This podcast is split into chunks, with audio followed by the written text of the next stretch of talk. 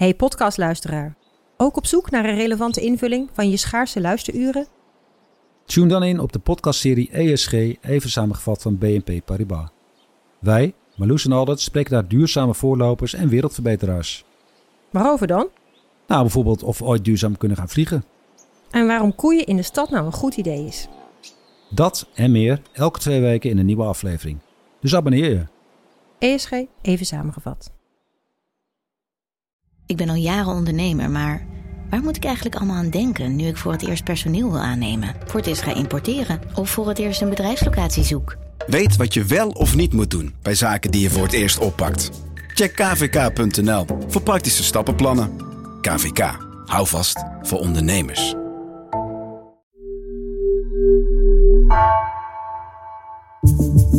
Vanaf de redactie van NRC het verhaal van vandaag. Mijn naam is Egbert Kalsen.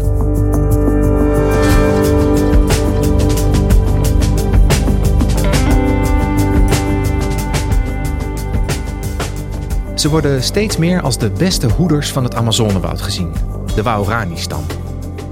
Toch vechten zij al decennia lang tegen de aantasting van hun leefgebied.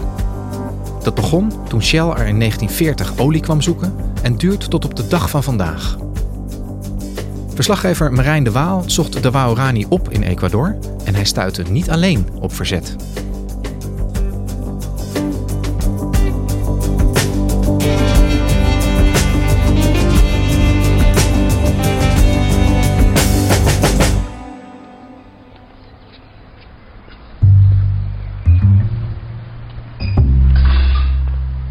Eerder dit jaar reed ik naar Denenkamp in Twente, in het oosten van het land. En daar staat een uh, museum, al, al ruim een eeuw. Dat is het Natuurhistorisch Museum Natura Docet. En ik had daar afgesproken met twee mannen. Erik Mulder, dat is de conservator. Inmiddels wel met pensioen, maar nog steeds heel actief daar. Marijn, zien we elkaar de hoofden die bij de stemmen horen. Ja, ah, ja. Goed. En de ander heeft decennia lang het archief daarbij gehouden. Uh, Willem Groothuis. Ja, ik heb, ik heb al die etnografische spullen heb ik allemaal gedocumenteerd en gefotografeerd. Ja. En uh, zij konden mij helpen om iets te vinden wat ik daar zocht. Dat zijn ze niet, hè? Nee. Nee, nee. Nou ja, en dat museum heeft een soort tuincafé. Dat kijkt uit op de tuinen die omheen liggen. En daar kan je een luik opentrekken. En dan kom je in het kelderdepot. En dan ga je een stalen trap af. De kelder. Ja. Dan ga je maar naar beneden. Kom verder. Dank u wel. En daar staan allemaal kasten, van die verrijdbare museumkasten. Ja, ik, zag een, ik zag een doodshoofd liggen daarin, een schedel. Maar in een soort gangetje naast die kasten, ja, er lag een stapel speren. Dit zijn de speren die hier liggen. Twee vielen op. En dat waren lange speren, heel zwaar hout, donker hout. En met een soort punt in een driehoekachtige vorm eraan. Ja, dit is allemaal met ijzeren punten inderdaad. Ja. Geweldig. Die twee speren, dat waren de speren uh, waarover ik in een oud krantartikel had gelezen. En uh, daar werd gesproken over een inheemse stam in de Amazone met de naam Aucas.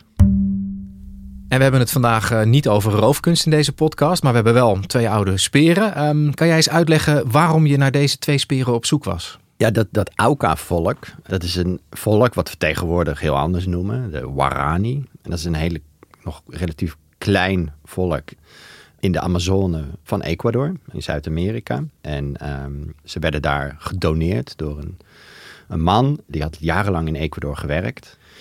En hij wilde die speren graag geven aan het lokale museumpje. En hij gaf daar een briefje bij. En in dat briefje schreef hij heel, heel puntig eigenlijk op... Twee speren afkomstig uit Ecuador. Van een kleine indianenstam, Aucas genaamd. Op eerste kerstdag 1949 waren in een kamp in dit gebied van de Shell Company of Ecuador...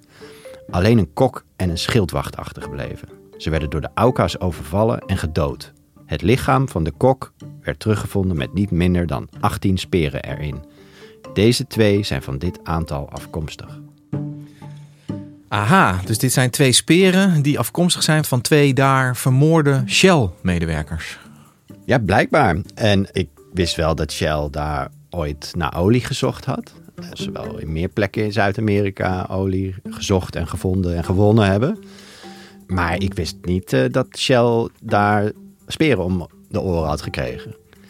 En daar gaf eigenlijk aanleiding om wel verder te gaan spitten. Want ja, dit verzet blijkt toch heel lang geduurd te hebben. Minstens tien jaar van die Warani tegen Shell. Uh, er schijnt van alles gebeurd te zijn.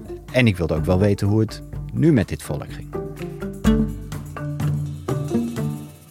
Ja, dat begrijp ik. Um, 1949 worden er dus twee medewerkers van Shell vermoord daar. Kan jij om te beginnen eens iets vertellen over hoe dat eraan toe ging destijds? Hoe zocht Shell daar in dat Amazonewoud naar olie? Ja, kijk, Shell was al actief in, uh, in Venezuela bijvoorbeeld, hè, een ander Zuid-Amerikaans land. En ze wilden nog wel wat meer olie vinden in Zuid-Amerika. Dus ze kochten in 1937, verwierven ze een concessie. Dus een heel groot stuk grond van 10 miljoen hectare in het Amazonegebied. Dat noemt Ecuador de Oriente, want het ligt daar in het oosten. En ook Ecuador wilde graag olie vinden. Want die zagen, wauw, Venezuela is echt steenrijk aan het worden. Wij willen dat ook. En, en Shell mocht eigenlijk gewoon beginnen hoe zoals zij wilden. Nou, daar was allereerst een vliegveld voor nodig. Want de Oriente is heel afgelegen. En die, die jungle was grotendeels nog leeg. Op de nadruk met grotendeels niet helemaal leeg. En daar kwamen de Shell-medewerkers redelijk snel achter. Want zodra geologen op expeditie gingen om uh, voorbereidend uh, onderzoek te doen kwamen ze al heel snel in contact met wat ze toen nog noemden Auka's. En ja, die uh, worden tegenwoordig Warani genoemd. Uh, Auka's is een beetje een denigrerende term, die zoiets betekent als wilden. Maar destijds heette ze nog volop Auka's. En, en kun jij iets meer vertellen over wat voor stam dat was? Die leefden dus in dat woud en die hadden eigenlijk geen contact gehad tot dan toe met westerse mensen? Ja, ze hadden heel weinig contact. Ze leven grotendeels geïsoleerd. Ze hadden al eerder last gehad van rubbertappers in hun gebied. Maar die hadden ze relatief uh, efficiënt weggejaagd. Dus toen Shell daar op expeditie ging voor het eerst, deden ze die Warani eigenlijk precies hetzelfde als ze met die rubbertappers hadden gedaan. Uh, aanvallen met speren. Dit volk leefde heel geïsoleerd, uh, praktisch nog in de steentijd. Hè, dus wat bijvoorbeeld voor hun echt een schat was, was als ze machetes van die grote hakmessen buiten konden maken op andere mensen. Want dat maakte voor hun bijvoorbeeld het omhakken van bomen in één keer veel makkelijker. Dus ja, in één keer wordt die jungle helemaal blootgelegd met vliegtuigen, met zwaar materieel, bulldozers, graafmachines. Ja, je moet je voorstellen hoe als jij nog in de steentijd leeft, hoe je dan kijkt naar zo'n grote overvliegende ijzeren vogel. En onderling leidde ook de komst van die buitenstaanders tot spanningen, maar vooral richtte hun uh, verzet zich tegen Shell. En er was één krijgsheer binnen dat volk, die nam daarbij het voortouw uh, Moeipa. En veel mensen kennen nog steeds zijn naam in het woud. En hij, hij verzamelde eigenlijk een soort mini-legertje om zich heen. Stal ook verschillende vrouwen bij verschillende Warani-nederzettingen. En uh, daar verwekte hij ook weer kinderen bij. En die kinderen werden weer als kindsoldaatjes ingezet of om speren te maken. En zo trok hij, want het is een nomadisch levend volk, trok die jagend op die Shell-medewerkers door het bos. Ja, en dan sta je daar als medewerker van de Koninklijke Olie in die Amazone. Hoe, hoe reageerde Shell op die aanvallen van die Warani? Ja, wat ze deden was natuurlijk eerst de overheid om bescherming vragen. Die stuurden een paar soldaten, maar dat bleek niet echt genoeg. Ze hadden nog hun eigen wachters, vooral inheemse wachters, uh, die bijvoorbeeld hun kamp bewaakten of meegingen op expedities als gids. Maar als je hoorde, toen ik in Ecuador rond ging vragen, uh, ging er ook wel heel snel het gerucht rond dat Shell ook wel meer heeft gedaan dan zich alleen maar verdedigd. Namelijk zich ook soms, uh, of ook soms heeft aangevallen. En daar werd onder andere gesproken over bombardementen vanuit de lucht. Ja, en, en ben je erachter gekomen of dat klopte? Ik kwam eigenlijk één incident heb ik echt kunnen reconstrueren. Dat moet in die tweede helft van de jaren 40 zijn geweest. Toen was er weer een aanval op een oliekamp van Shell. En daar werd een westerse medewerker gedood. Meestal waren het lokale Ecuadoriaanse medewerkers die bij die speeraanvallen omkwamen. En daar waren de mannen in dat kamp zo boos over dat ze zijn gaan zuipen. Omdat ze ook verdrietig waren natuurlijk over de dood van hun vriend en collega. En toen gingen ze de powder room binnen, dus de kruidkamer. Uh, pakten ze dynamiet en pakten ze daarna een vliegtuigje. En één iemand achter de stuurknuppel en de ander hangend uit het raam. Toen hebben ze dynamiet afgegooid op één zo'n Auka-hut.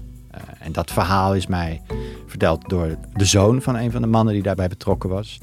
En zijn vader heeft ook precies deze episode ook in zijn memoires opgesteld. Uh, en die zoon wist helemaal niet dat die memoires het gered hadden. Dus dat zijn twee onafhankelijke bronnen die dit incident bevestigen. Ik denk dat het incident laat zien dat ja, de overheid daar grotendeels afwezig was. Ehm, hoe een machtig bedrijf, wat namens de regering heel erg welkom was daar. Dus grotendeels carte blanche kreeg om, om die olie maar te vinden, kost wat kost. En ja, bijvoorbeeld de zoon van die bij de, dit bombardement betrokken vlieger. Die zegt ook, ja, je moet het vergelijken met het wilde wilde westen van vroeger. Een hevige strijd, denk ik dat we wel kunnen vaststellen. Hè? Met speren en met, uh, met dynamiet daar in die jungle. Heeft Shell uiteindelijk olie gevonden daar? Een heel klein beetje. Ze hebben zes putten geslagen, waarvan er twee wat olie opleverden. Maar veel te weinig om echt rendabel daar aan de slag te gaan. Dus begin 1950, eigenlijk kort dus na die laatste speeraanval... waarvan de speren in Denenkamp belanden... doekt Shell het hele avontuur op daar waren denk ik verschillende redenen voor. Maar de inheemse hebben daar wel echt de indruk aan overgehouden dat het dankzij hun speeraanvallen was dat Shell toen vertrok. Zijn mensen die zeggen, Moipa heeft de Shell weggejaagd. Ja. En dat zeggen ze nog tot op de dag van vandaag. Ja. Dus in de jaren 50 lukte het niet om van Ecuador een oliestaat te maken. Dat is later volgens mij wel gelukt, toch? Ja, andere oliemaatschappijen die gingen redelijk snel alweer ook verder in dat gebied zoeken. En begin jaren 70 wordt dan alsnog olie gevonden in de Oriënte. Ook trouwens in velden waar Shell ooit boorde. Uh, dus het zat er wel. Het kwam er alleen nog niet snel genoeg uit. En Ecuador is inmiddels echt een, een, een petrostaat, zoals je dat noemt. Dus een derde ongeveer van wat het land verdient, is uit olieinkomsten. Ja. Hey, en, en dat verzet van die stammen destijds in die Amazone, zie je daar nou nog iets van terug in het huidige oliestaatje Ecuador?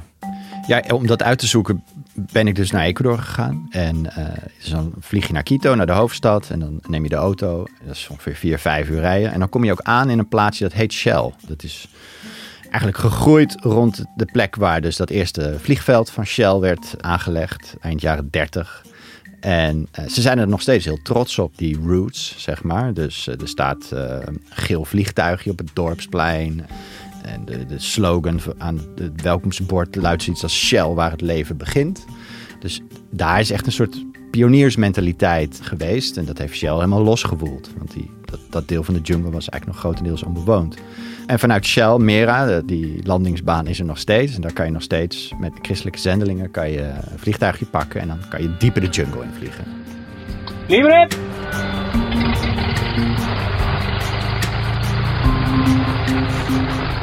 En ik landde in Tonyampá.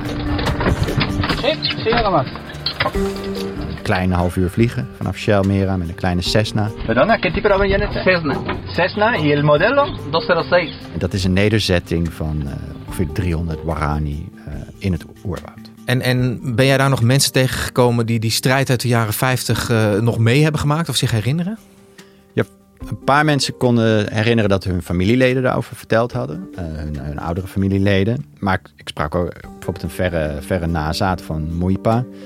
En dat is een jonge jongen in een, in een Juventus shirt. En die was heel kritisch over de oliewinning. Hij zei, ja, dat uh, heeft mijn bedovergrootvader goed gezien. Die, die oliebedrijven moeten we buiten de deur houden. Yo creo que el Moipa es como que nos dejó un ejemplo o una motivación de, de defender y no ser independernos. Hij zegt bijvoorbeeld, uh, we kunnen met landbouw verdienen, met visserij misschien wel, met toerisme of door bijvoorbeeld souvenirs te maken. Como, por ejemplo, la comunidad misma puede hacer sus mini, mini proyectos de crecimiento de pescado, pollo. En dan hoeven we ons niet uit te leveren aan die grote oliebedrijven, want die, die komen de olie halen. Maar als er bijvoorbeeld een lek is in een pijpleiding, maken ze het niet schoon. Dus hij heeft dat op andere plekken in het regenwoud gezien. En hij zegt, die kant moeten wij niet op. Begrijpelijk, denk ik, vanuit zijn perspectief. Um, tegelijkertijd, Ecuador is de afgelopen decennia ook wel heel erg afhankelijk geworden van die olie, volgens mij, toch? Enorm. En de druk ook op de mensen in het regenwoud om in te stemmen met die olie uh, is enorm. En het verzet er tegen is heel vaak uh, terzijde geschoven door de regering of door de oliebedrijven zelf. En dat maakt ook dat de Warani niet één blok zijn. Hè. Sommigen hebben wel de oliewinning omarmd. En dan zeggen de tegenstanders, nee, die hebben zich laten omkopen met, met pannen en potten en uh, beloftes van baantjes.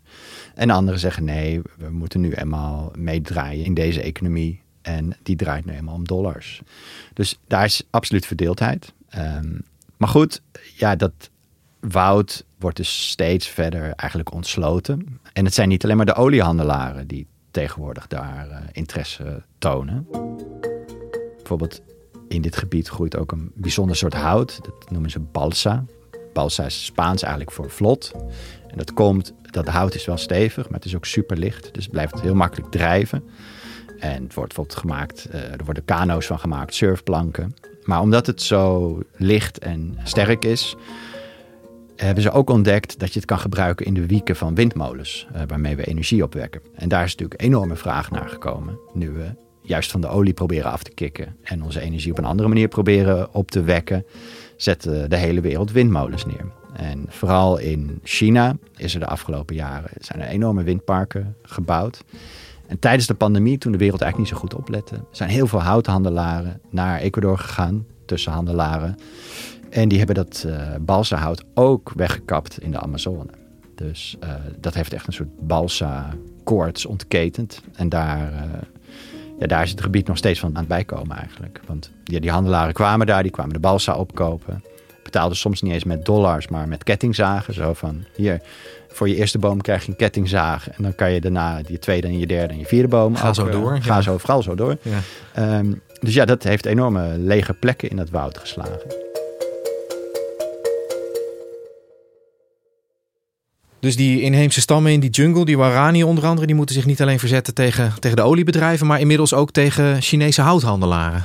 Ja, al hebben ze ook wel, anders dan Moipa, uh, destijds wel steeds meer middelen om zich daar tegen te verzetten. Hè. Kijk, er is bijvoorbeeld recent een, uh, na lange, jarenlange campagne van Warani-activisten een, een, referendum gehouden. Uh, dit jaar.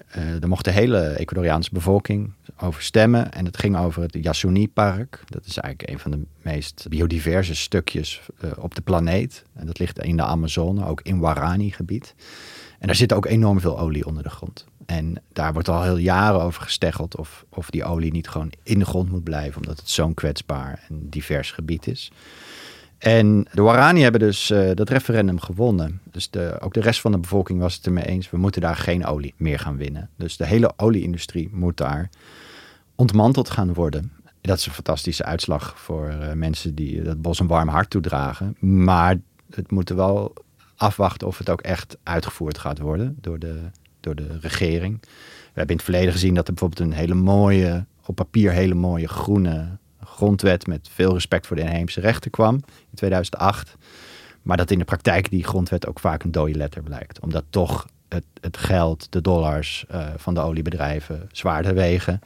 En er toch dan weer concessies worden afgegeven. En dat er bijvoorbeeld wordt gezegd, ja oké, jullie zijn wel eigenaar van die grond. Maar, maar tot 30 centimeter diepte. Daarna is het gewoon weer van de staat. Ja, daar heb je natuurlijk niks aan als inheems volk. Ja. Maar tegelijkertijd, bedoel, er is dus een soort juridisch uh, bindend referendum geweest. waardoor die olie-exploitatie in principe zou moeten stoppen daar. Ik snap wat jij zegt, dat we nog maar even moeten afwachten of dat gaat gebeuren. Um, heeft zo'n referendum dan ook precedentwerking op bijvoorbeeld die houtwinning? Dat is het onduidelijk. Kijk, die houtwinning is, is grotendeels clandestien gegaan. Hè, omdat de pandemie zoveel aandacht opslokte van de autoriteiten, lette eigenlijk niemand op dat die tussenhandelaren daar in het bos kwamen opkopen. Dus ja, er is ook zoveel illegale houthandel dat de, de wet daar helemaal niks over te zeggen heeft eigenlijk. Ja. En, en er wordt dus nog steeds niet heel goed naar ze geluisterd, als ik dat goed uh, beluister. Hè. De handel uh, gaat gewoon door in hout en in olie. Hoe, hoe ziet die toekomst er nou uit, denk jij, voor die Warani? Ik bedoel, moeten ze de speren weer uit het vet halen om zich echt met geweld te gaan verzetten tegen het aantasten van hun leefgebied? Nou, er zijn een paar clans die echt nog helemaal geïsoleerd leven en de buitenwereld buiten houden. Die, die vallen nog wel eens een oliewerker of een houthandelaar aan met een speer. Ook deze eeuw nog. Maar de meeste Warani die zijn tegenwoordig politiek georganiseerd. Of die voeren rechtszaken. Of die dwingen zo'n referendum af. En daar boeken ze soms zegens bij. Uh, maar ze moeten er ook altijd wel weer verknokken vervolgens dat die zegen ook echt in de praktijk wordt gebracht. Omdat de regering toch wel vaak geneigd is om toch weer naar het grote geld van de uh, bedrijven te luisteren. En bijvoorbeeld nu met de COP, uh, die begonnen is uh, deze week, de grote klimaattop van de VN. Ook daar zullen allerlei inheemse leiders, activisten uitgenodigd zijn om aan beleidsmakers en andere lobbyisten uh, te vertellen. Nou ja, hoe zij denken dat klimaatverandering aangepakt moet worden. Dus bijvoorbeeld via het beschermen van het Amazonewoud of andere regenwouden. Tegelijkertijd zien we in de praktijk ook dat die, die vernietigingskracht die op die bossen inhakt, hè, het platbranden, het, het hout kappen, die is ook enorm groot. En bijvoorbeeld de top die in 2025 gehouden zal worden, die wordt door Brazilië georganiseerd. En Brazilië heeft ervoor gekozen om die in Belém te houden. Dus dat is een van de grotere steden in het Braziliaanse deel van de Amazone. En dat is niet voor niks. En ook daar zullen we heel veel inheemse leiders komen. Maar ja, we zijn eigenlijk als wereld zijn we pas helemaal aan het begin van het punt dat we naar ze beginnen te luisteren. Dankjewel Marijn. Graag gedaan.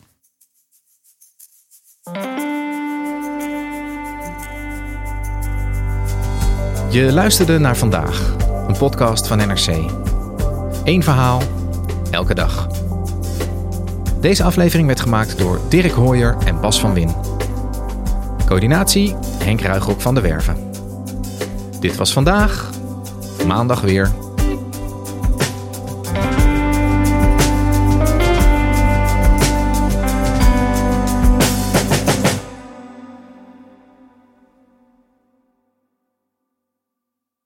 Technologie lijkt tegenwoordig het antwoord op iedere uitdaging.